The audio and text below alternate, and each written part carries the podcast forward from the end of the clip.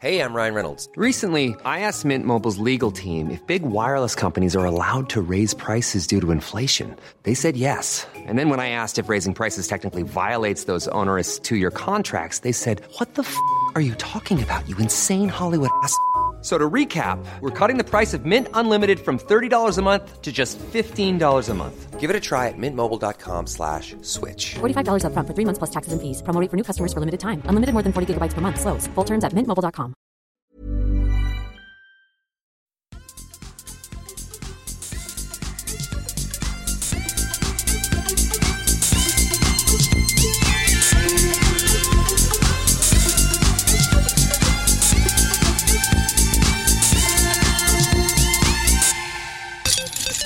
Välkomna tillbaka till Kedja ut avsnitt 26 med mig, Tommy Bäcke och eh, min kompis Niklas Nyman är med här idag. Sen har vi också en gäst. Eh, kommer strax till det, för först vill jag faktiskt eh, tacka för den fina responsen som jag fått på eh, avsnittet om eh, Prodigy som vi släppte i fredags. Eh, betyder jättemycket. Eh, det är svårt att sitta och prata själv, men eh, ja, det verkar ha gått bra. Så tack så jättemycket för det. Men eh, vi fortsätter med dagens eh, avsnitt och eh, börjar avsnittet med en faktaruta. Fullständigt namn. Elina Rydberg, Ålder. 28, Bor. Kristinehamn, Familj. eh, sambo och eh, även fästman och en son på fem år. Favoritöl. En eh, lite fruktig suröl skulle jag nog välja då. Jo, vill man. Mm. Eh, Kvalitet. a- andra sporter än discgolf. Eh, nu för tiden så är det inget annat. Eh, men eh, i min ungdom så höll jag väl på med allt som fanns. Skulle jag säga. Ja. Eh, bästa discgolfminne.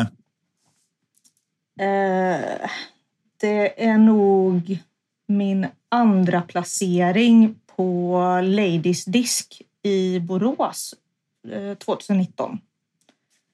Eh, mest prestigefyllda seger kan vara om placering också. Det är nog samma. Det, ja, nu är det ju faktiskt eh, kanske fjärdeplatsen i eh, MA4 på AMT i Karlstad för eh, en vecka sedan. Mm. Favoritspelare. Eh, manlig James Conrad, kvinnlig Kristen Tatar. Eh, favoritbana. Eh, det står mellan två. Det är antingen Brickeberg i Örebro eller Ymer i Borås. Favorittävling att delta i. Eh, Revolution Race, Tor. Eh, favorittävling att titta på. Det blir nog Worlds. Eh, ditt drömlag. Två damer och två herrar. Ja, då är det Kristen Tatar och Katrina Allen. Sen är det James Conrad och så får man väl fjäska lite på den sista och klämma in Simon Lisotte. Ni får sluta fjäska. Fan. Hela tiden. Ja, Han är bra spelare. Han Han, är ska jättebra. vara med där. Det är klart. Ja. Mm.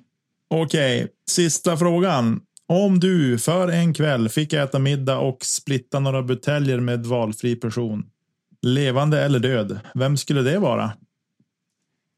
Den här fick jag tänka länge på och uh, det, det blev ju väldigt hastigt och plötsligt. Men eh, Adam Alsing är en person som jag skulle vilja ha fått chansen att uh, träffa och prata med. Mm. Eh, Fint. Mm, Mycket jag fint. kände det. Det är det nog fler. Jag också faktiskt.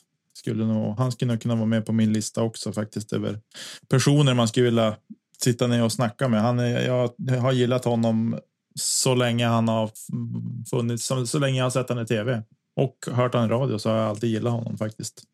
Mm. Man, man har ju aldrig behövt vara rädd att det skulle bli stelt på den middagen.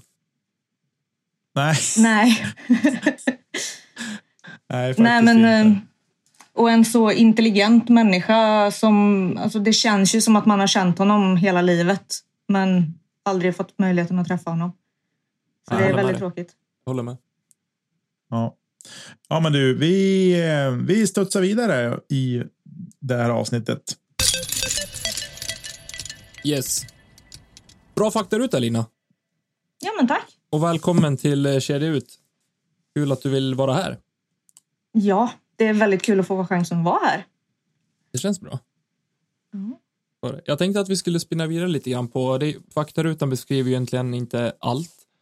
Eh, utan eh, vi kan ta lite kort bara. Vem, vem är du och hur hittar du discgolfen?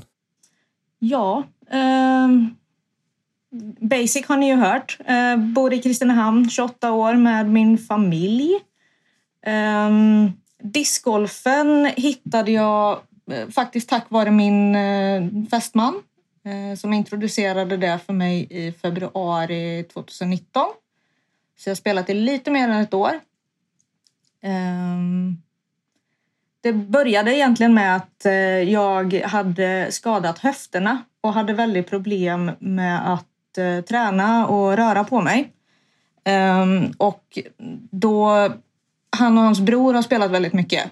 Eh, och så fick jag möjligheten att komma med dem ut och det var att gå mycket i alltså, höjdskillnader och så i terrängen. Det gynnade mina höfter väldigt mycket så att min läkprocess blev väldigt snabb eh, tack vare det. Och sen så gjorde det ju ingenting att det var ett väldigt kul sätt att komma ut och röra på sig så att det fick hänga kvar. Och det, det var ju någonting som eh, Pernilla var inne på i, i avsnittet som hon var med också och pratade om lite grann med just med terrängen att det ser lite olika ut och kan vara bra för, ja, men just då, för återhämtning av skador och, och förebyggande och så också. Om jag inte minns helt fel så tror jag att hon var inne på det. Mm. Så det känns ju Ja, bra att, du har, att det har blivit bättre. Ja, det är väldigt skönt. Ehm, många år i eh, restaurangbranschen tidigare var tydligen inte jättebra för kroppen. Nej, det brukar inte vara det. Stå och, och gå på hårda underlag och sådär. Nej, precis. Men i övrigt då? eh, eh, Ja, drygt ett år eh, inom, inom discgolfen. Det känns som att det har gått väldigt fort. För, för, för mig har det inte varit ett jättestort namn tidigare utan det kom lite grann i, i höstas. Då såg man det lite överallt, tycker jag. På, på sociala medier och sådär. Hur, hur har resan varit liksom under, under 2019? Ehm, man ska väl säga att jag började ganska intensivt, väldigt snabbt. Ehm, som sagt, jag började spela i mitten på februari. Ehm, mitten på mars så gick jag min första tävling. En lokal tour som heter Kyldisken som vi spelar i Värmland och Närke. Kom kom toksist och var ensam tjej. Men eh, det är roligt. Och Eh, det sociala genom att tävla var nog mycket det som fick mig att driva vidare. För ehm, att det är så lätt att prata med folk. Att folk är så alltså, de är hjälpsamma och men det är en väldigt bra approach på, på alltså, attityden bland eh, discgolfare. Och det gjorde väl att jag fortsatte eh, att tävla. Sen så gick jag hela Närke Värmland-touren som är våran sommartour här. Ehm, också som ensam tjej med undantag av två deltävlingar när Rebecka Andersson från Örebro deltog. Ehm, men det, är, det är inte många tjejer här i Värmland så man har fått kämpa sig fram. Ehm, nej men och sen så har det väl fortsatt. Det var väl tävlingar där var och varannan helg. Eh, egentligen hela sommaren. Och säsongen bytte årstid i oktober och gick från sommar till vintersäsong. Och så har vi bara fortsatt. Men ni kan, kan ni spela discgolf mer eller mindre hela året runt? Ja, eh, den här vintern har ju varit den bästa vintern någonsin. För vi har ju kanske haft en dag med snö. Mm. Vi har ju spelat på barmark hela året eh, i år. Och det har gjort väldigt mycket med möjligheten att vara ute och kunna gå runder och inte behöva tänka så mycket på att det är snö och is ute på banan. Nej. Det är inte vi riktigt vana med, Nicke. Nej, jag känner en viss avundsjuka som kryper sig på. Eh, och det tror jag vi, det har vi pratat om tidigare också i podden, tror jag, något av de första avsnitten. Eh, där man kunde se lite, ganska mycket inlägg på Ska vi snacka discgolf på Facebook om ja, hur är den banan, är det blött och lerigt eller sådär. Och jag Då kände bara, ja men knip igen, jag har snö till knäna. Ni får spela discgolf. Jag vill inte spela discgolf för att det är så mycket snö. Eh, så att jag tycker att ah, jag blir lite frustrerad över att man bor där man bor. Men det finns ju en viss. Eh, vi har ju vissa fördelar också av att bo där vi bor. Typ att Såklart. jag får köra skoter. Ja, dels det, eh, men sen vi har ju kanske lite ljusare eh, somrar tänker jag också. Ni har väl fortfarande, ni har väl egentligen, har ni något dygn på, på året när det liksom är ljust dygnet runt? Mm, nej, det skulle jag nog faktiskt inte säga. Ehm, så när ni sa att ja, men sådär fem i midnatt kan man gå ut och ta en discgolfrunda. Det blir ju jag kraftigt avundsjuk på. Ja, Vi får ju gå ut och köra glowrunder, men det går ju sådär. Det är ju inte som att spela på dagen. Nej, nej, precis. Nej, men det är faktiskt någonting som, som är, det är ganska häftigt faktiskt också att man eh, piper iväg sent på kvällen eh, och träffar kompisar och så går man en discgolfrunda liksom mitt i natten. Det är ganska häftigt ändå och det är liksom dagsljust ute. Mm. Eh, så det är kul. Det är det jag brukar ta med min sambo här, att liksom charmen av att bo här uppe generellt och egentligen det största som tryckte på, på min sida att vi skulle bo kvar här var just att det, det är ljust dygnet runt på somrarna och det finns de möjligheterna, ja, i första hand för mig nu, att få spela discgolf när dottern sover och när egentligen när hon sover också liksom, och ha den egen tiden. Eh, för jag tycker det är helt fantastiskt och, och liksom bara kunna och strunta i klockan och, och kolla ut det ljust ut och spela liksom. Ja, Det, jag tycker det är fantastiskt. Eh, I helgen när vi var ner till Dalarna med, ja, och hälsade på mina föräldrar så var det, då var det trist liksom att man behövde ta in korgen vid halv tio på kvällen för att eh, det blev mörkt. Det behöver vi inte göra här, inte ens nu. Så pass tidigt på sommaren heller. Mm. Ja, det är ju... Det kan man bli avundsjuk på om man bor här nere kan jag ju säga. För eh, ja, jag hade nog också velat ha ljust dygnet runt. Men för inte det också med att vintern är mörk. Jo, då ser vi inte solljus istället. den är ju det. Den är ju. Eh, jag menar, det är ju inte så jättelång period som det är liksom nästan inte ett mörkt dygn runt ska man inte säga, men det kan ju.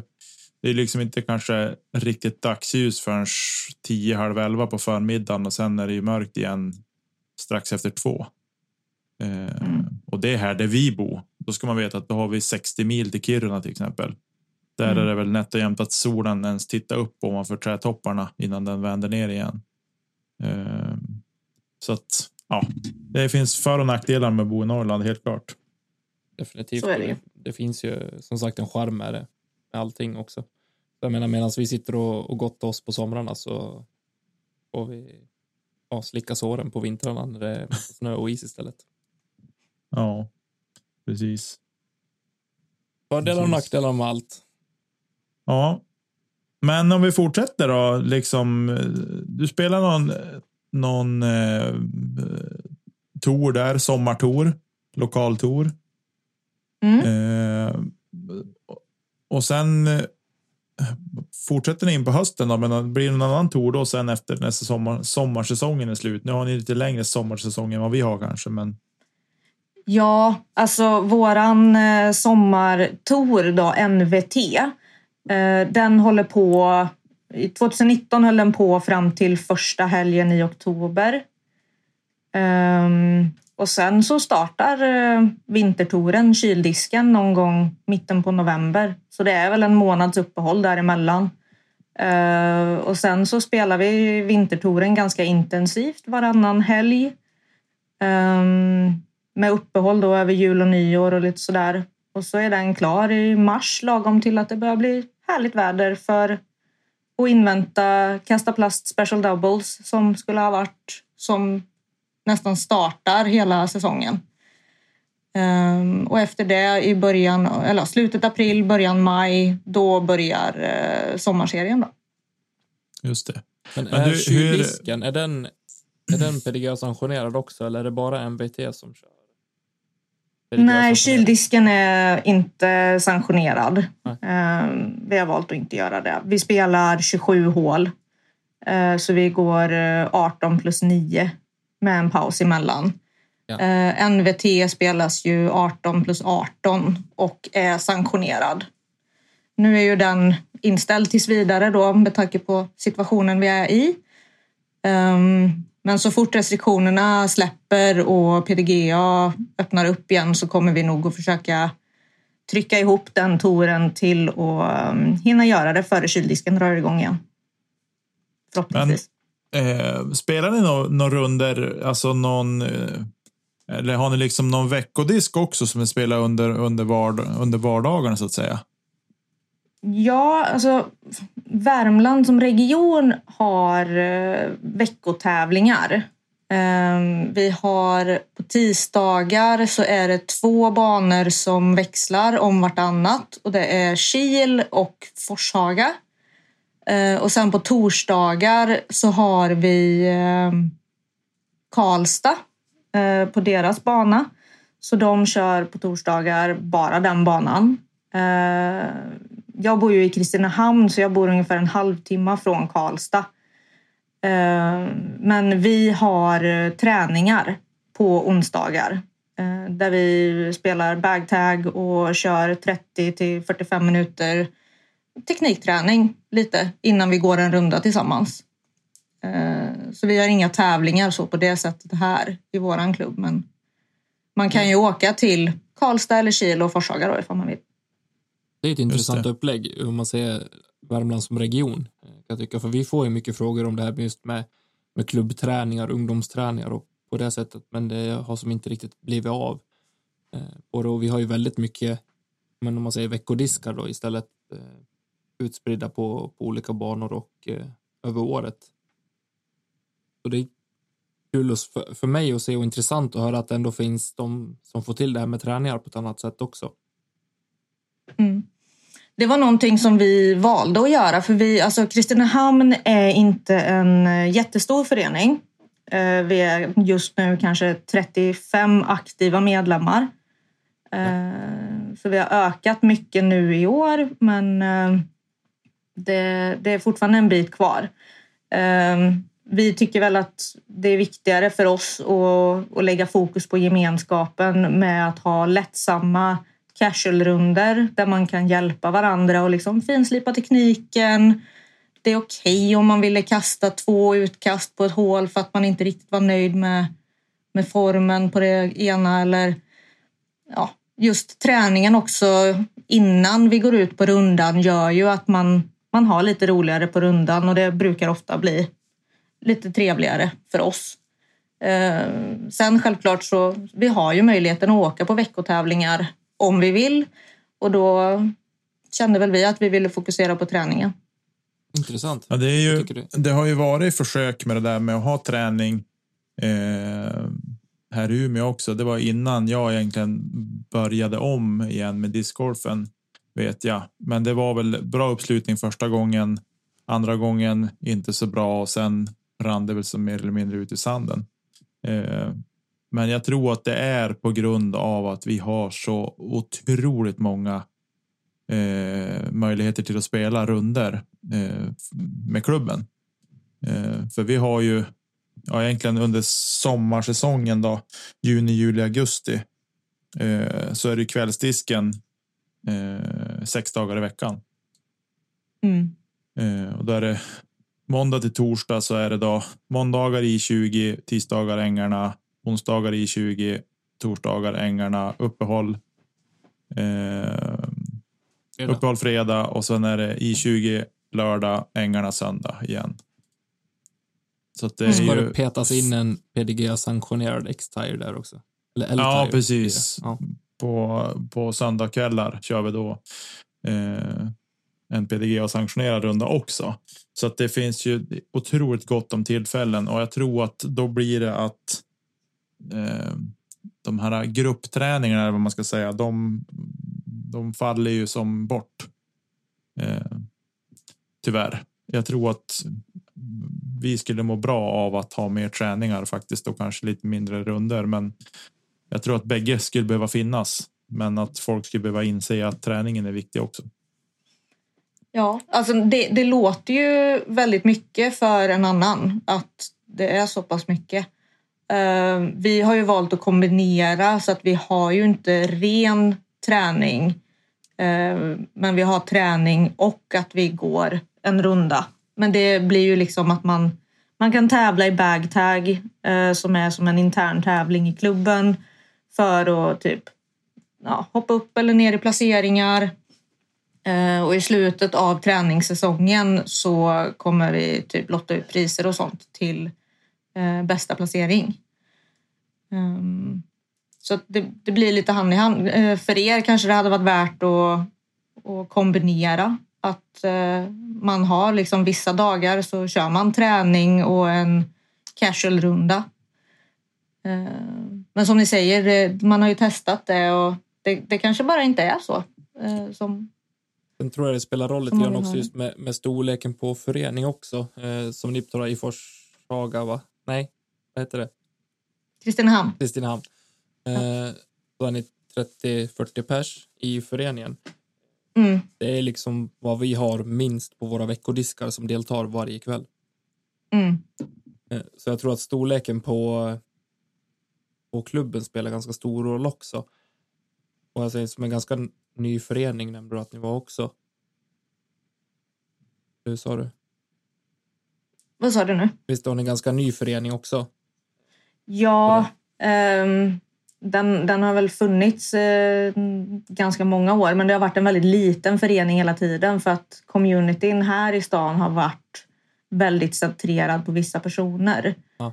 Um, så att det, det är väl mycket därför också som det har varit svårt att få in medlemmar och, och kunna liksom växa som förening. Um, Sen nu så ser vi ju en eh, jätte, jättestor trend i ökningen av antalet spelare uppe på banan. Eh, så att förhoppningarna nu är väl att, att man ska kunna fånga upp några av dem och gå med i föreningen så att man kan fortsätta och, och bygga ut och förbättra banan.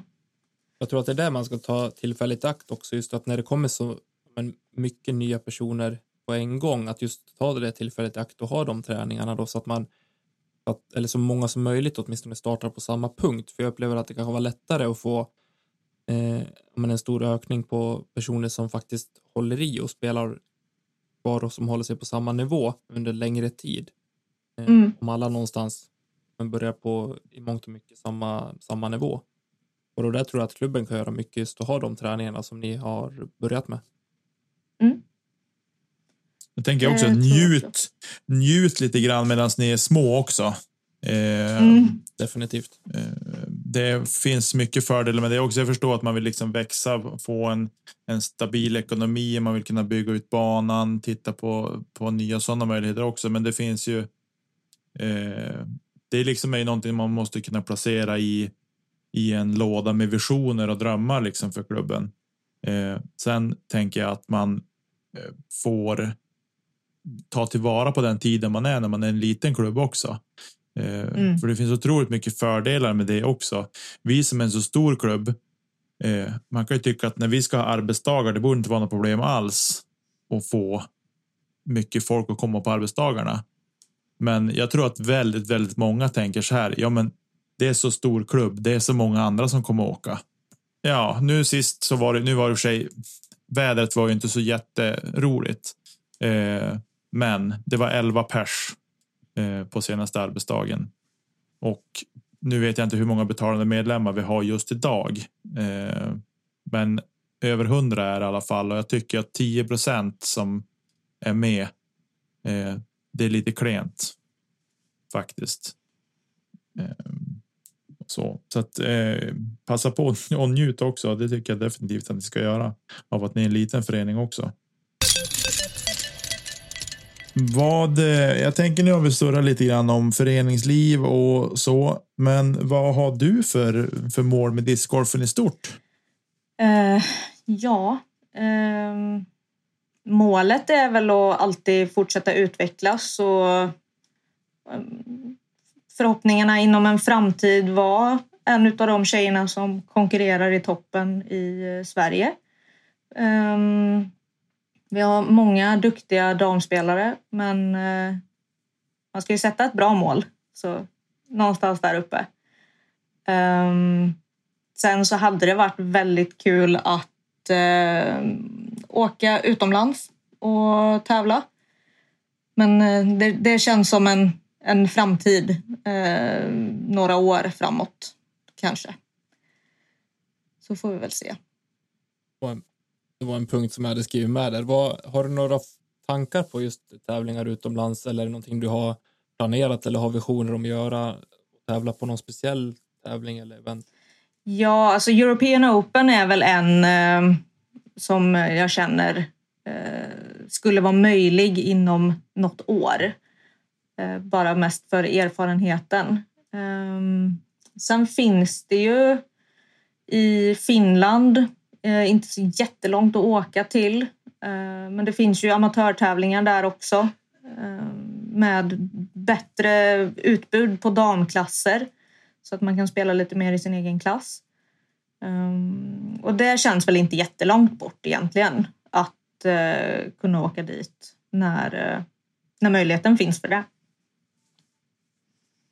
Nej, jag tänker Norge också borde väl ha en del tävlingar som inte är jättelångt att åka till. Nu har jag inte jättebra koll på hur eh, de har i utbud på, på damklasser. Men Kristinehamn eller Värmland generellt är inte jättelångt ifrån Norge. Nej, eh, vi har ju väldigt nära till Krokhål eh, som ligger i Oslo, va? Sen så tror jag att eh, till Tönsberg så har vi kanske fyra timmar ungefär. Eh, så det är ju möjligt. Det är ju som att åka härifrån sett Det är närmsta busshållplats härifrån ungefär. För oss är det väl lite en bit söder om Göteborg så att det, distansen i sig är ju ingen större fara. Jag pendlar ju nästan till Göteborg i dagsläget. Så det ska nog inte vara några konstigheter. Det gäller bara för att man får ja, men verkligen få fingrarna ur och, och göra det. Liksom. För Ja, det är precis som du säger, distansen är ju inte något längre egentligen för att komma till Norge eller Finland som vi åker genom Sverige. nej men precis. Så det- jag- Jag tror inte att det är där problemet ligger utan det gäller bara att man får men verkligen bara planera in det och sen man får komma till ett nytt land. Liksom. ja. Men före det så, så blir det nog eh, att ge sig på någon NT här i Sverige i alla fall. Mm.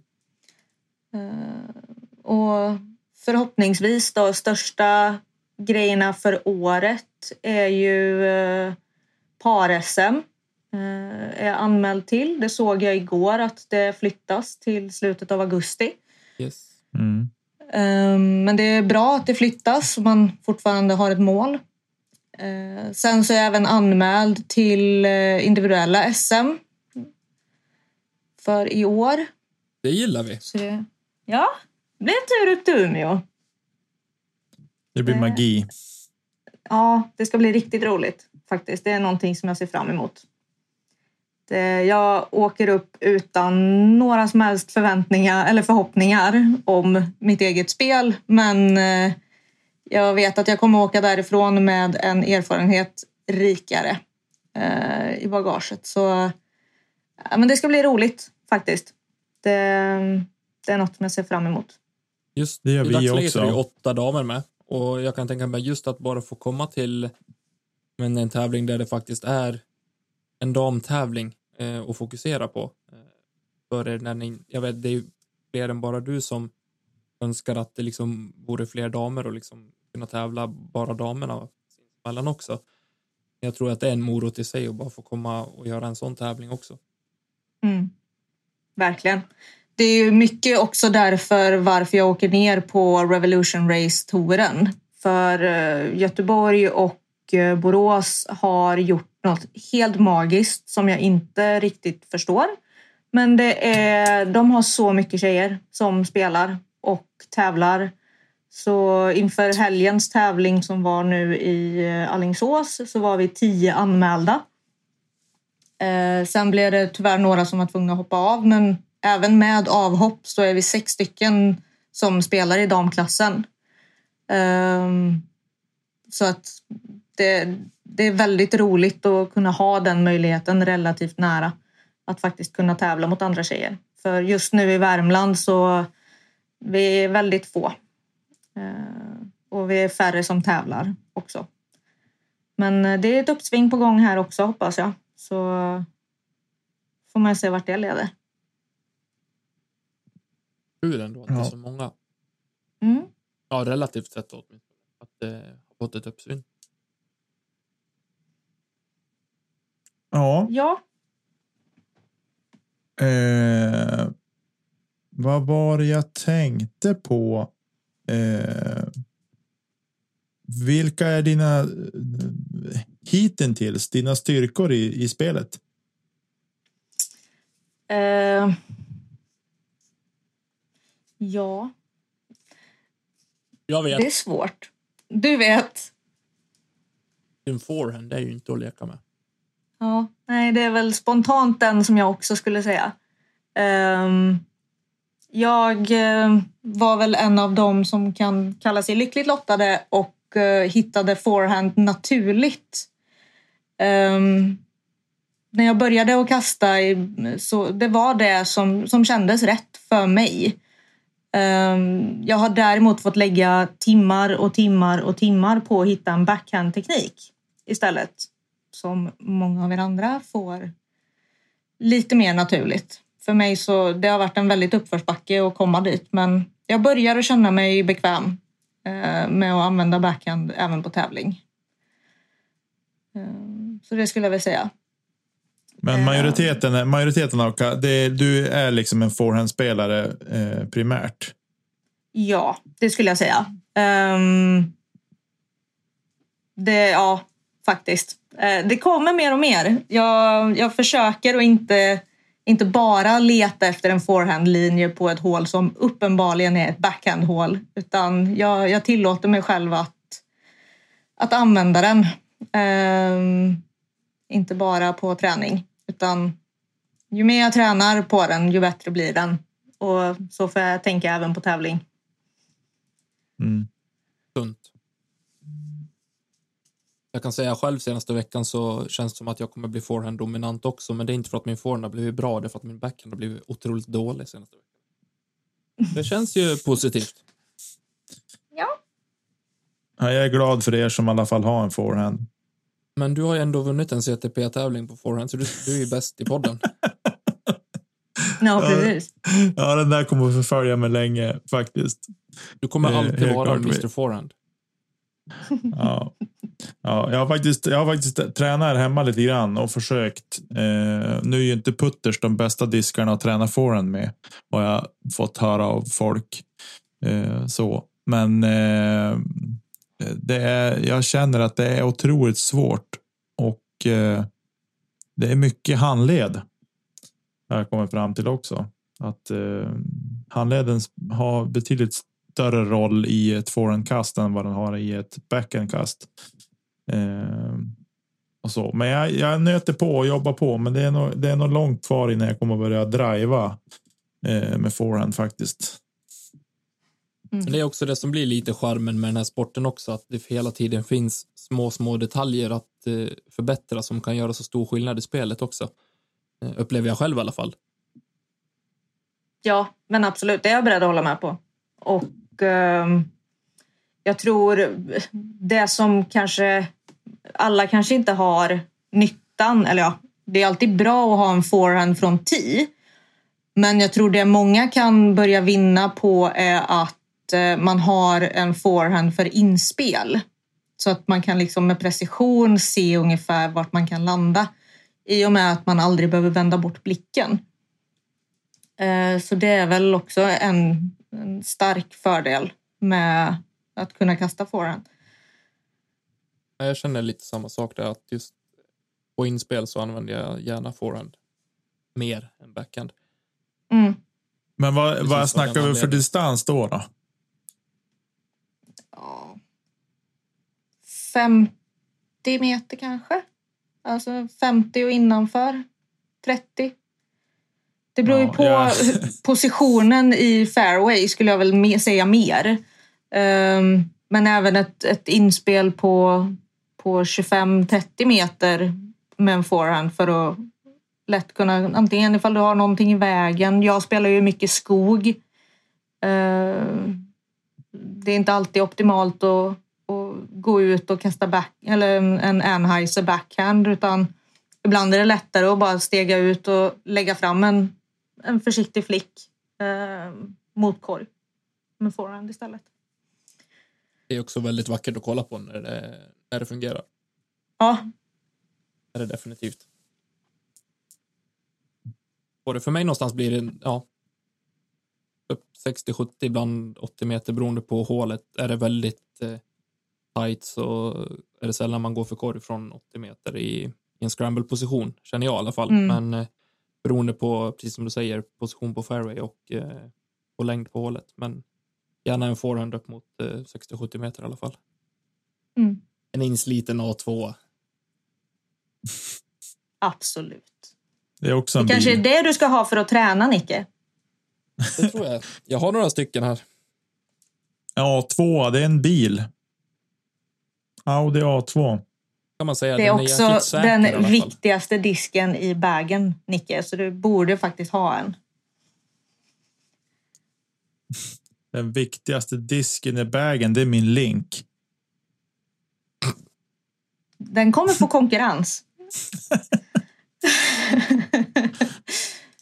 Alltså jag känner att ni Prodigy-spelare, ni smider planer för mig som jag inte riktigt är, är, eh, är med på känner jag.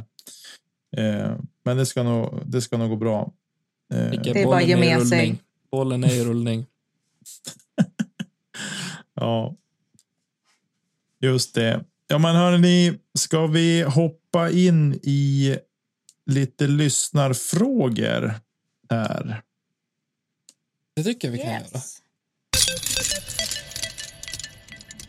Jag kan börja med en fråga från eh, Caroline Flyborg och eh, som även Elis Söderberg och Ellen Tobiasson vill ha svar på och det är forehand-tips och eh, forehand-teknik. Vi kan spela Jag vidare också. lite på den pucken.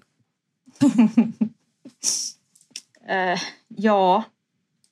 Det, det är ju svårt att liksom förklara någonting för någon annan hur man själv gör det. Men någonting som jag brukar... När, alltså, när, när andra frågar eh, så har jag sagt ta en tennisboll, eh, greppa den med tre fingrar, alltså pe- tumme, pekfinger, långfinger och kasta mot en vägg. För att då får du ungefär en likadan rörelse just med handleden. Ehm, det är väl det, det första alltså, grundtipset som jag kan ge. Um, för att få lite känsla. Nästa är att börja med en överstabil fairway driver. Uh, för att det är lite lättare att få styrsel på den typen av disk.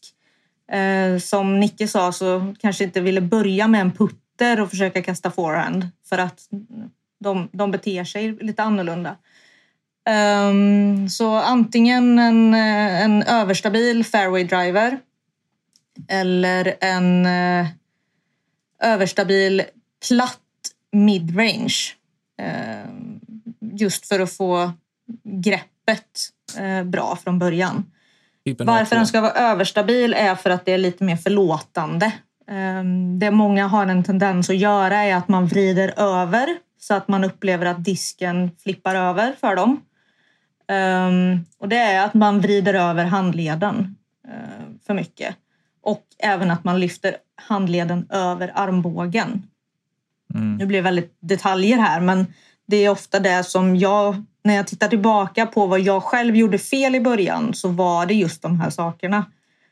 Ehm, så att försöka ha handleden i linje med armbågen med kastarmen. Ehm, och ha en relativt stabil disk i början för att de, jag upplever att de är lite mer förlåtande i att de kommer tillbaka för en högerhänt kastare då höger eh, istället för att flippa över vänster och rulla iväg.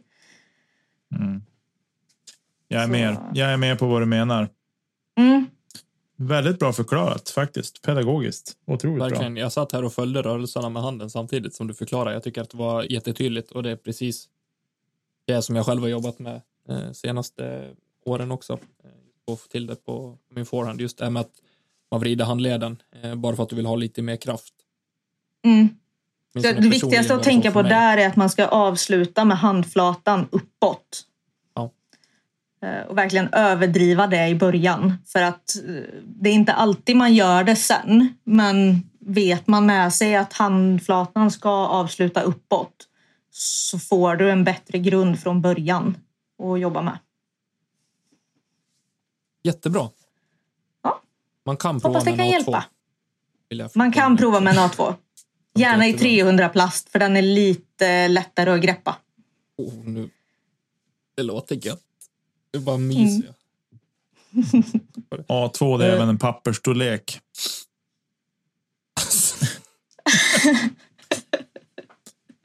Det är också en approach-disk.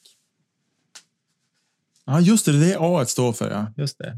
Nu börjar det trilla ner lite detaljer här i Prodigy-världen. Caroline undrar även hur du lägger upp din discgolfträning.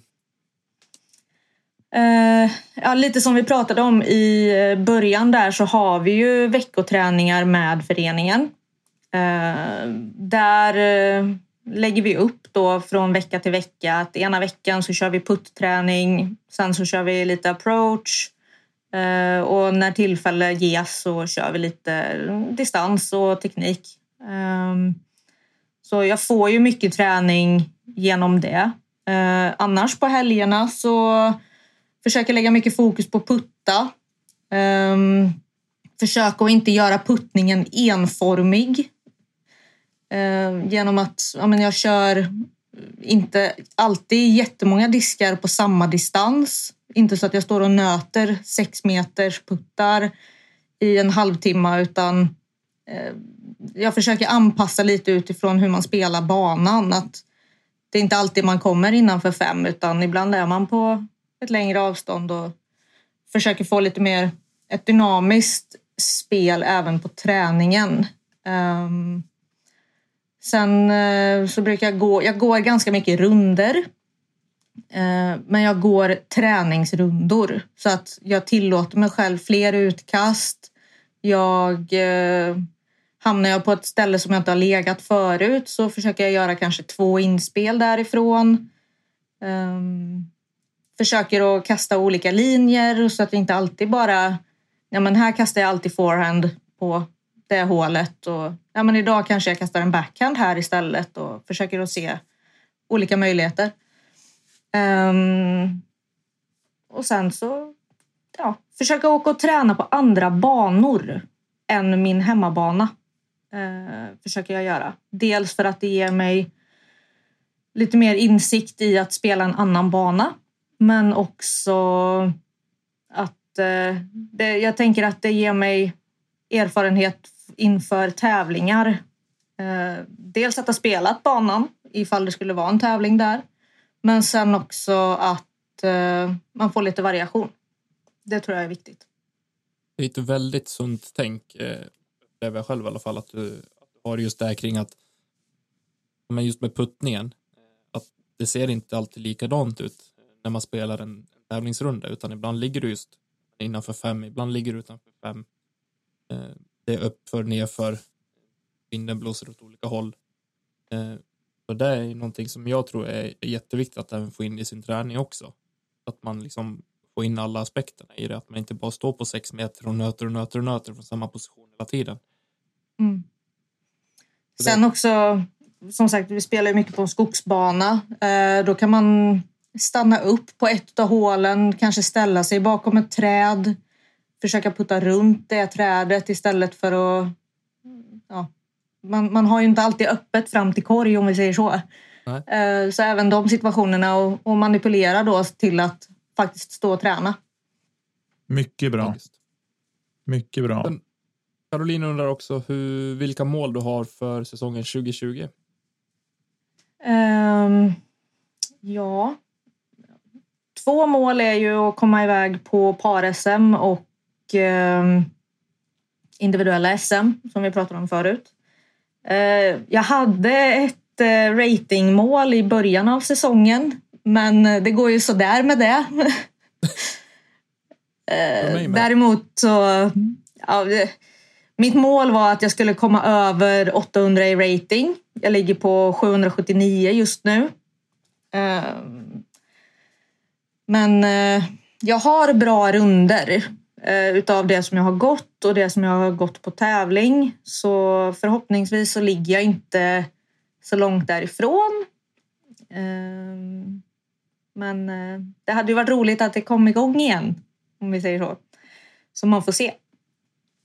Annars så är väl ett av de stora målen för eh, tävlingarna att jag anmält mig till eh, Ladies Disk i Borås i september. Och i år så ska jag gå i eh, Open där. Och där är väl en pallplats ett högt satt mål. Förhoppningsvis. Snyggt. Jag ska sikta högt. Det är bra. Sen får vi se hur det går. Men man kan ju hoppas. Det kommer nog att gå bra tror jag. Eh, du, vi hoppar vidare. Nu är det ju en Instagram, eh, ett Instagram-namn här, men jag tror att det är Mikael.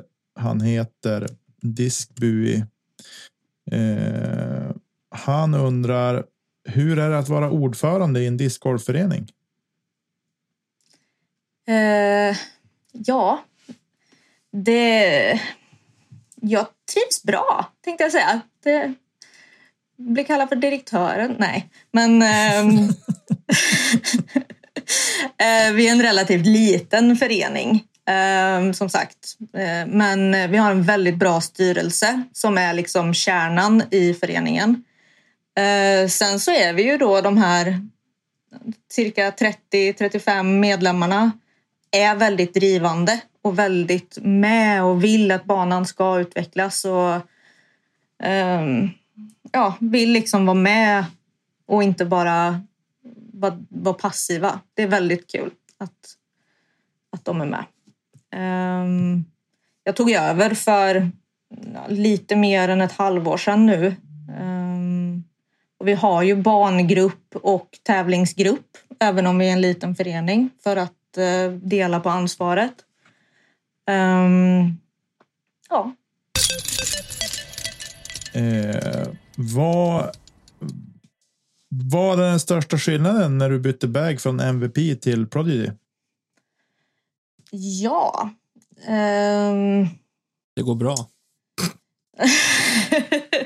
Förlåt, jag ska inte vara så. Mm. Nej. Alltså den största skillnaden, det, jag vet inte, det är säkert inte jättemånga som känner till eh, MVP heller. Det är ju ett amerikanskt märke det med, men det är väldigt centrerat i USA.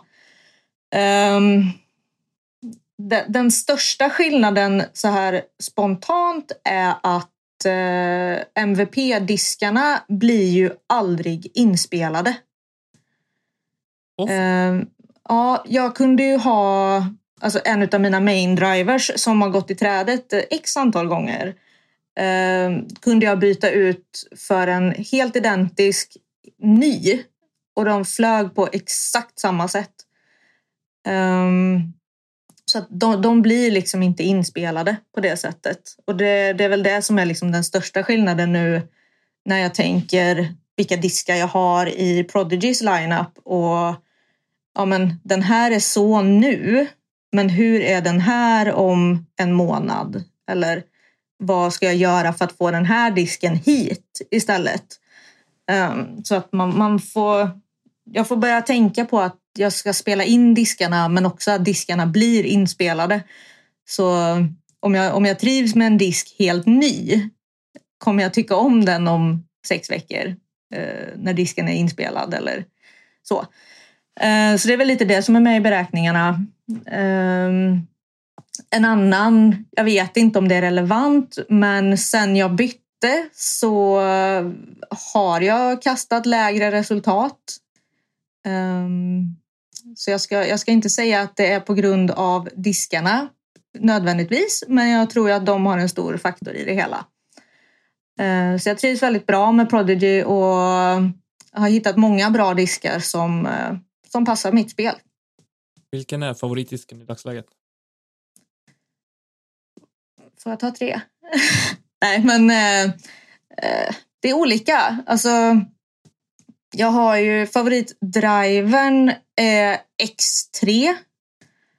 Den ska Nicke också prova. Ja, i 500 plast. Den kastar jag i forehand. Ehm, och den går spikrakt. Det är helt galet vad rak den disken är. Ehm, man kan lägga den på en lätt, lätt, lätt flex och så kommer den tillbaka i slutet men utan att den liksom fejdar ut alldeles för långt så den bara rätt ner i princip. Det är Katarina. Allen Signature va? Ja, det är det.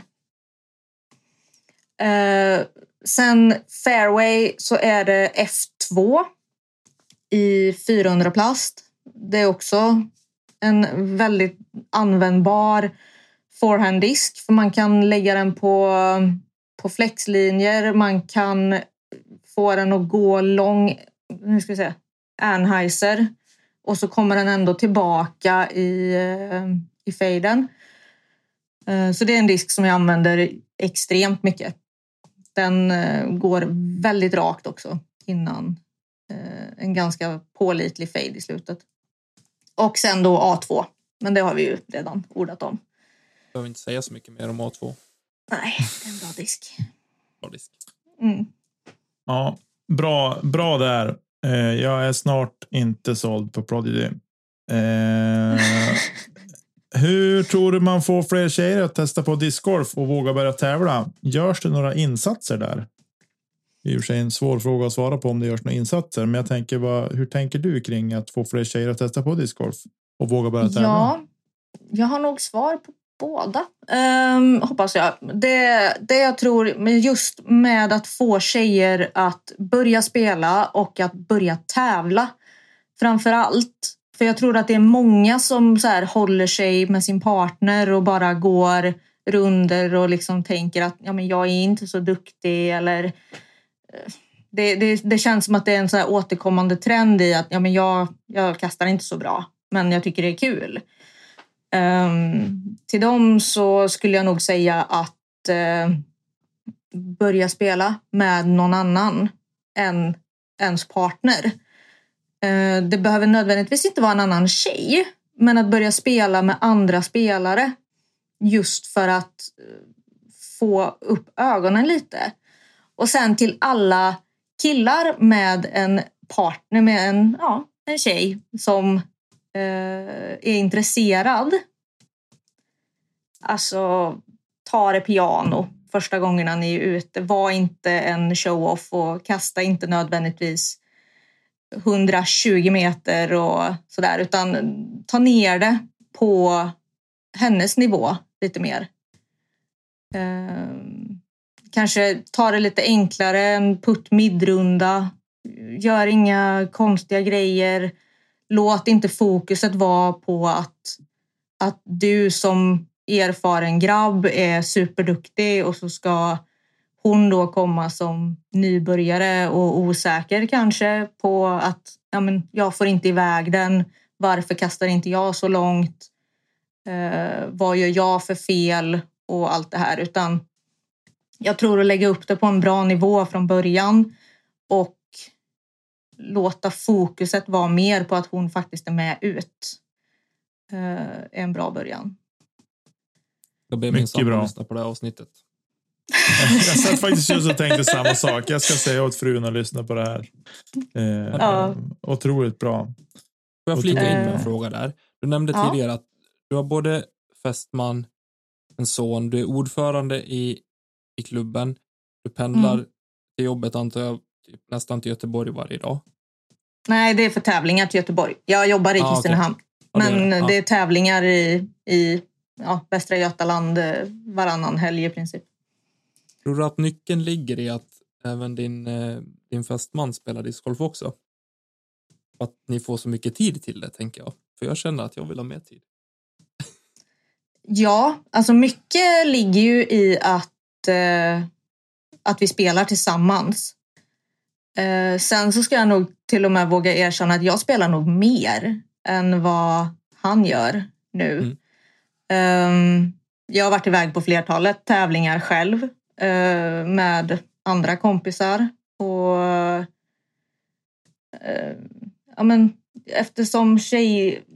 Alltså, vi är inte många tjejer och utrymmet för att få satsa behöver tas mer, känns det som. För att eh, förutsättningarna är inte riktigt de samma.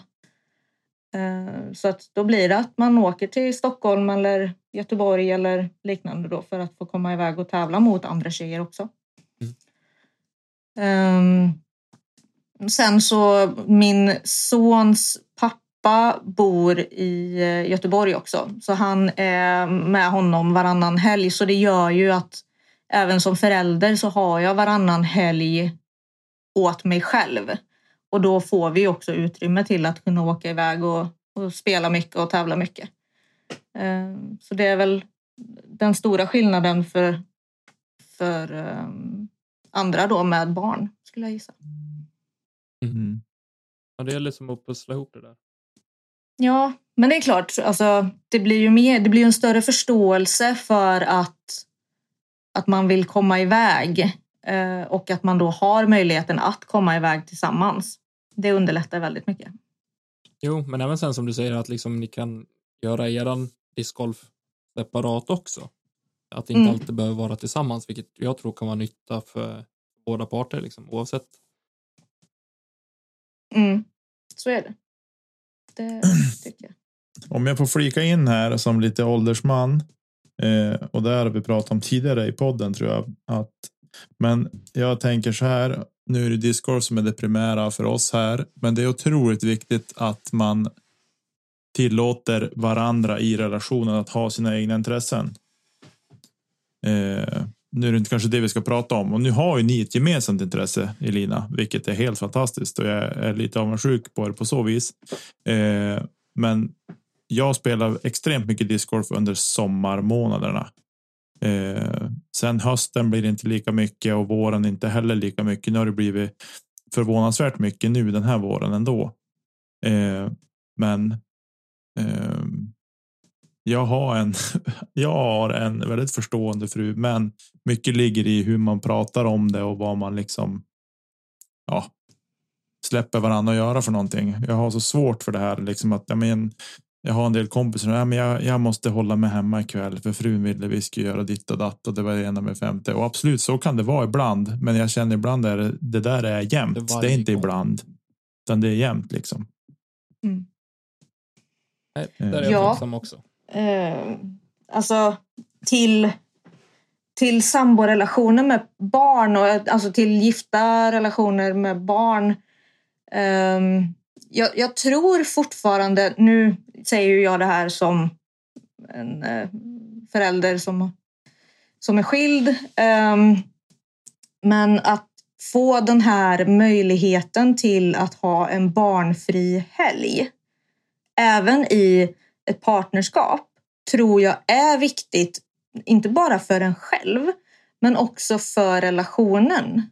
Alltså att man kan kanske inte ha just varannan vecka eh, rutiner, men det här med att ja, men, vi kör en helg var i månaden så får du göra vad du vill den helgen och jag tar barnen och sen tvärtom. Att Mm. ja, men den här helgen så länge inget annat allvarligt händer såklart eller att man måste iväg på någonting så är liksom den här helgen är bokad för min helg. Och då kan man ja, men, åka iväg på en långresa med discgolfkompisarna eller att ens partner får göra något annat som den tycker är roligt eller sådär. Och så att Mm. man liksom har huvudansvaret för hemmet och barnen den helgen. Jag tror det är jättesunt. Och ja, kunna ha det, ett liknande upplägg på det. Mm. Både för, för förhållandet och, och relationen i sig och även för, för sin egen del och sitt eget liv. Mm. Men vi kan hoppa vidare. Elin Tobiasson frågar om tre saker du har i vägen som inte är diskar. Ja, jag har väldigt mycket saker i min bag som inte är diskar. För jag såg den här frågan innan och jag var tvungen att tänka efter en bra stund. Ehm, Då får du säga fem saker, för nu blev jag nyfiken. Jaha, oj. Slänger du in en sån? Ja, okej. Nej, men eh, jag har eh, ett litet nagelkit. Det låter tjejigare än vad det är. För att eh, det, är, det är till diskarna. Eh, det är några såna här klippare, nagelklippare, eh, någon nagelfil och lite sådana saker. Eh, och det är just eftersom jag spelar i en skogsbana så får jag lätt eh, stenfliser i, eh, alltså att diskarna flisar upp sig. Eh, och då vill jag gärna klippa bort de kanterna eftersom de skär in i händerna. Ehm, sen är jag också tjej så att eh, klippa naglarna kan vara bra. Eh, lite sånt. Så den har jag med mig. Ehm, sen har jag alltid handsprit i bagen. Och det är inte bara på grund av corona utan det är mest på grund av att eh, det blir kåda på diskarna. Eh, och då funkar det väldigt bra. Det tredje är faktiskt en eh, vattennyckel. En sån här bra att ha-sak till kranar i väggen. Mhm. Så, Det, det är MacGyver, tror jag. ja. Jag fick faktiskt den ehm, av en kompis, eh, Mikael Hals från Kolbäck. Gav mig den på min andra NVT. Eh, för då satt vi och diskuterade att fan en sån hade varit bra att ha i bagen. Och så fick jag den av honom. Den har legat kvar sig där sedan dess. Eh, så det är grymt. Då finns det alltid möjlighet att få vatten. Eh, oj, två saker till då. Eh, har alltid vätskeersättning i bagen. Eh, jag har ett samarbete med Natuvital som har eh, hjälpt mig mycket. Eh, det är en väldigt bra produkt att ha i bagen, tycker jag. De säger ju att en... vad heter det? Om man tappar 2% vätska så försvinner fokus med typ 20-30 procent. Så det, det är viktigt med vatten. Eh, det sista jag skulle säga är min lilla maskot. Han är alltid med. Det är en eh, regnbågsfärgad eh, leopard. Grymt. Eh, ja, jag har nog inte. Ja, vätskeersättning har jag haft med mig någon gång sådär, men men sådär. Men jag tyckte det var otroligt intressant det här. Jag satt och fnissade lite för mig själv med nagelkittet. Jag tänkte säga, okej, hon hon moddar diskarna för varje kast. Så här. Ja, nu filar jag lite där. Nu ska jag kasta en flick här. Nu ska jag, nu ska jag ha lite mer där. Bort lite material där. Lite obalans. Ja, det var kul. Eh, men du, eh, Simon Marxén undrar om har du några bra tips på hur man kontaktar eller blir kontaktad av, av mindre Discord-företag för eventuell sponsring eller samarbete? High on life efter första vinst. Mm. Jag såg ju det här i helgen då eh, när Simon eh, kammade hem sin vinst i eh, Nolhaga, Allingsås. Mm. Så det var väldigt bra gjort. Bra spelat Simon. Um, vad gäller din fråga dock så vet jag inte faktiskt hur jag ska svara. Jag hade ju förmånen att eh, det var Disguise som sträckte ut en hand till mig eh, och frågade om jag ville bli teamspelare för dem. Eh, och det tackar man inte nej till. Men jag tror mycket är väl att synas, höras, vara där, ja, där det händer. Ehm, um, vara på tävlingar. Sen så ligger det väl mycket i att man ska prestera Men uh, det handlar även om att man ska vara en god ambassadör för sporten uh, och då för de som man skulle vilja representera, skulle jag säga. Uh, Disc Guys som jag får möjligheten att representera är ju ett väldigt litet företag i Karlstad med fokus på lokala spelare. Så det är väldigt roligt att få den möjligheten. Um, annars så skulle jag nog bara säga sociala medier är bra. Uh, tagga produkter. Ja. Man ska syns och hörs.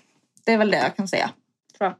Jag tror Ja. att man ska se det från början om hur, vad, alltså vad kan du göra för dem och rikta in sig på det. Liksom, vad, kan, vad kan jag som spelare göra för det företaget? Mm, Eh, mer än att vad kan de göra för mig? mm, Eh, till en början åtminstone. Och precis som man skriver här så är det mer, han hade lagt till som amatörsponsring. mm, Så tar man om någon tycker så, då är det liksom mer kanske, precis som du är inne på, marknadsföring. Mm. Det är någonting som kan hjälpa företaget. Mikromarketing och sådana grejer. mm. Sociala medier är ju någonting som används för det mesta idag. Och, och alltså, har man mycket följare så når man ut till mycket personer. Och det är klart att det är en fördel för företag att, att kunna få ta del av det eh, också. Jo, definitivt. Jag tror att många, det här har jag och Nicke varit inne på i podden tidigare också, men någon som kanske spelar i, i Novice eller i Recreational med en miljon följare kommer ha större chans att ha ett sponsor sponsoravtal eller en deal med ett företag mot någon som spelar i, i Open och gör det jättebra, men kanske har 500 följare. Ja, så är det ju. Jag tror att man, det är mycket liksom försäljning och speciellt på, på amatörnivå. Mm. Jag håller med. Ja, jag tror att här, jag tror här i, i Sverige så tror jag det, det stora blir nog liksom eh, street team sidan eller andra team som finns. Jag tror att det är liksom det man får rikta in sig på eh, primärt. Mm. Faktiskt spontant. Det är den känslan jag har, har fått liksom ju mer spelare man har börjat följa och man ser liksom i sociala medier så känns det som att det är den vägen eh, som är vägen ut. Eh, sen är det några få förunnat att liksom få ta det nästa steg liksom. Eh, Jo, jag vet mm. att perso eller personligen vet jag att Prodigy går ju ut med där får du ju ansöka liksom till alla deras team. Jag vet i höstas så var det ansökningar både till Platinum Team och till eh, Team Europe Tournament Team då och Street Team, Ambassador Team och alla team liksom tog de in ansökningar på. Eh, sen Mm. sållas det ut liksom beroende på vad man kan bidra med och vad man kan göra. Mm. Mm. Helt Det är ju liksom en, det är en väg att gå, eh, använda de ansökningarna. Men sen också just det att det är bara att ansöka. Skicka ett mejl. Eh, och som du sa, vad, vad, kan, vad kan du hjälpa dem med? Och vad skulle du vilja att de eventuellt hjälper dig med? Eh, för jag menar, det, nödvändigtvis behöver inte det vara jättemycket. Det kan vara att man, man delar deras inlägg eller eh, ja, man pratar gott om dem. Alltså man är en ambassadör för märket. Och det behöver inte vara att man pushar folk till att gå in och handla. Men om folk frågar bara, ja, men vart skulle jag kunna hitta det? Och bara, ja, men har du kollat på den här sidan? Istället för att ta en av de stora liksom. Så skicka iväg ett mejl. Det skadar aldrig. Det värsta man kan få är ett nej. Och våga ta ett nej också. Ja. Prova igen. Precis. Precis. Eh, sen har jag en fråga åt en eh, polare. Eh, eller jag har frågat åt Niklas egentligen. Ja. Eh, för mig Elina så har du på kort tid blivit en, ja, men, lite av en favorit eh, på sociala medier och, och följa och sådär just inom svensk discgolf. Eh, så jag undrar om du har några tips på hur eh, någon som vill synas mer skulle kunna dra nytta av sina sociala medier och, och kunna marknadsföra sig själv på ett bättre sätt än vad man gör idag. Oj, ja. Eh, alltså jag tror på något sätt att, att eh, vara hyfsat kontinuerlig i sina inlägg. Um, Sen så, alltså den stora frågan är ju egentligen vad man vill med sitt konto. Uh, mitt konto har varierat väldigt mycket sedan jag startade mitt Instagram. Um, ett tag så hade jag 100% bara träning. Uh, sen så var det 100% småbarn. Uh, men i och med att min son växte upp. Uh, sen så blev det 100% vardag. Och nu då så är det nästan 90% discgolf skulle jag nog säga. Um, så allting är ju lite ut efter vilken publik man söker. Definitivt. Följa hashtags kan man ju göra nu. Jag följer bland annat bara hashtaggen discgolf. Eh, där får man ju upp mycket inlägg av sådana man inte följer nödvändigtvis. Eh, man kan hitta nya konton att följa. Eh, jag lever lite utav den att följer någon mig följer jag oftast tillbaka om jag tycker att kontot är relevant. På så sätt så, så kan man öka i antal också genom att följa fler. Um, nej men också tänka på vilken tid på dygnet man uh, lägger upp sina inlägg. Som jag brukar hålla mig till och tänka att mellan 11 och 1 så är det säkert många som kollar telefonen på grund av att man har lunch och så i Sverige. Ehm, en annan tid är väl på kvällen mellan sju och halv elva ungefär när eh, ja, eftermiddag och barnen är lagda och ja, men man har tid i soffan eller sitter och pillar med telefonen. Så då, då ser folk inläggen man lägger upp och så får man väl med att man syns. Så det är väl ungefär så som jag tänker. Grymt. Vi tackar för svaret på, på den frågan. Och så kommer Nicke få bli nya Bianca Ingrosso på Instagram snart med de där tipsen.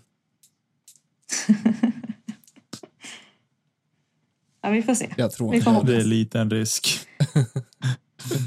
Jag tror det blir bra, Det är Nicke. liten risk. Ja, det kommer att bli bra. Ja, men hörru du, eh, vi tar och hoppar in i avslutningen. Yes, och där har Elina, du har någonting att annonsera? Ja, det har jag faktiskt. Ehm, jag eh, var in hos eh, Disguise tidigare idag och lyckades få med mig två diskar. Så jag tänker väl att vi kör en liten giveaway i samband med det här avsnittet. Grymt. Mycket bra. Mm. Då, det jag fick med mig är en um, Primal Run Essence som har releasedatum 14 maj.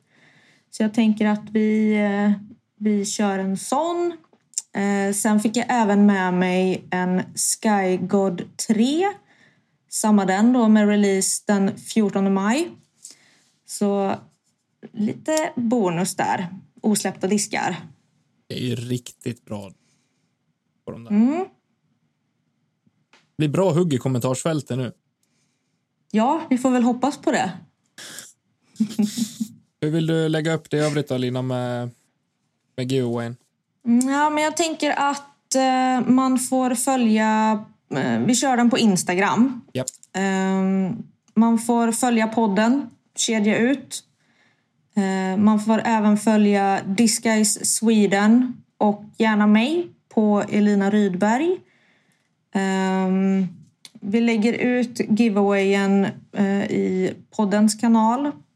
Och där så får man tagga två kompisar i kommentarsfältet. Grymt. Låter det bra? Det låter jättebra. Gammal klassiker. Härligt. Ja. Kanon. Men eh, ja, det är väl bra ord att gå ut på, eller är det någon som har någonting att tillägga?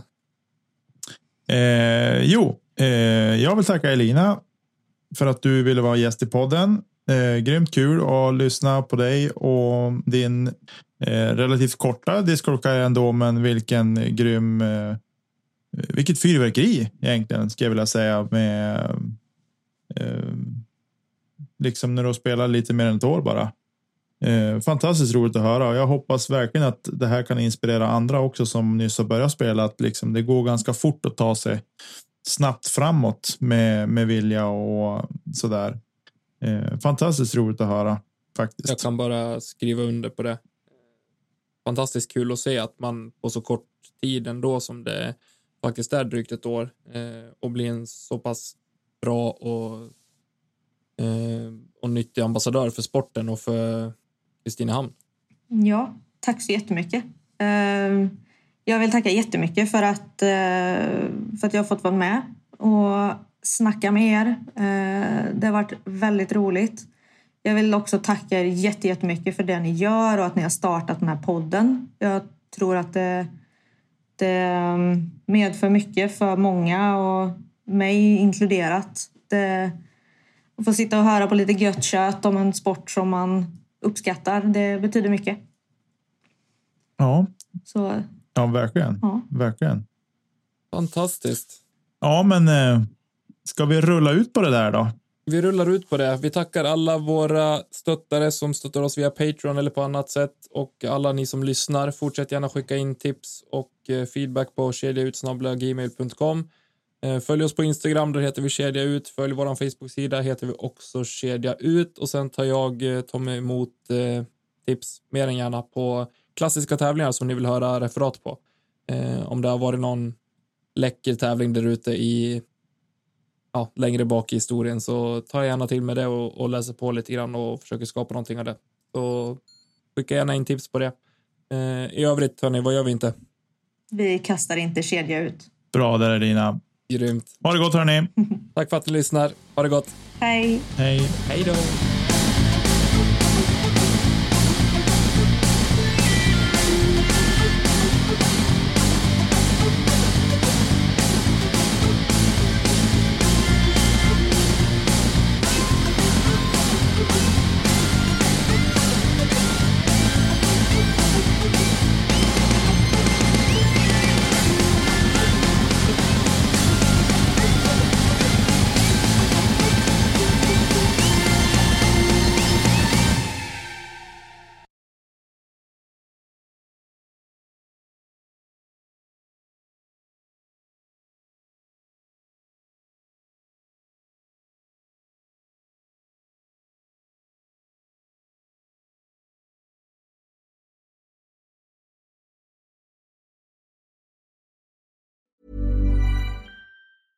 Planning for your next trip?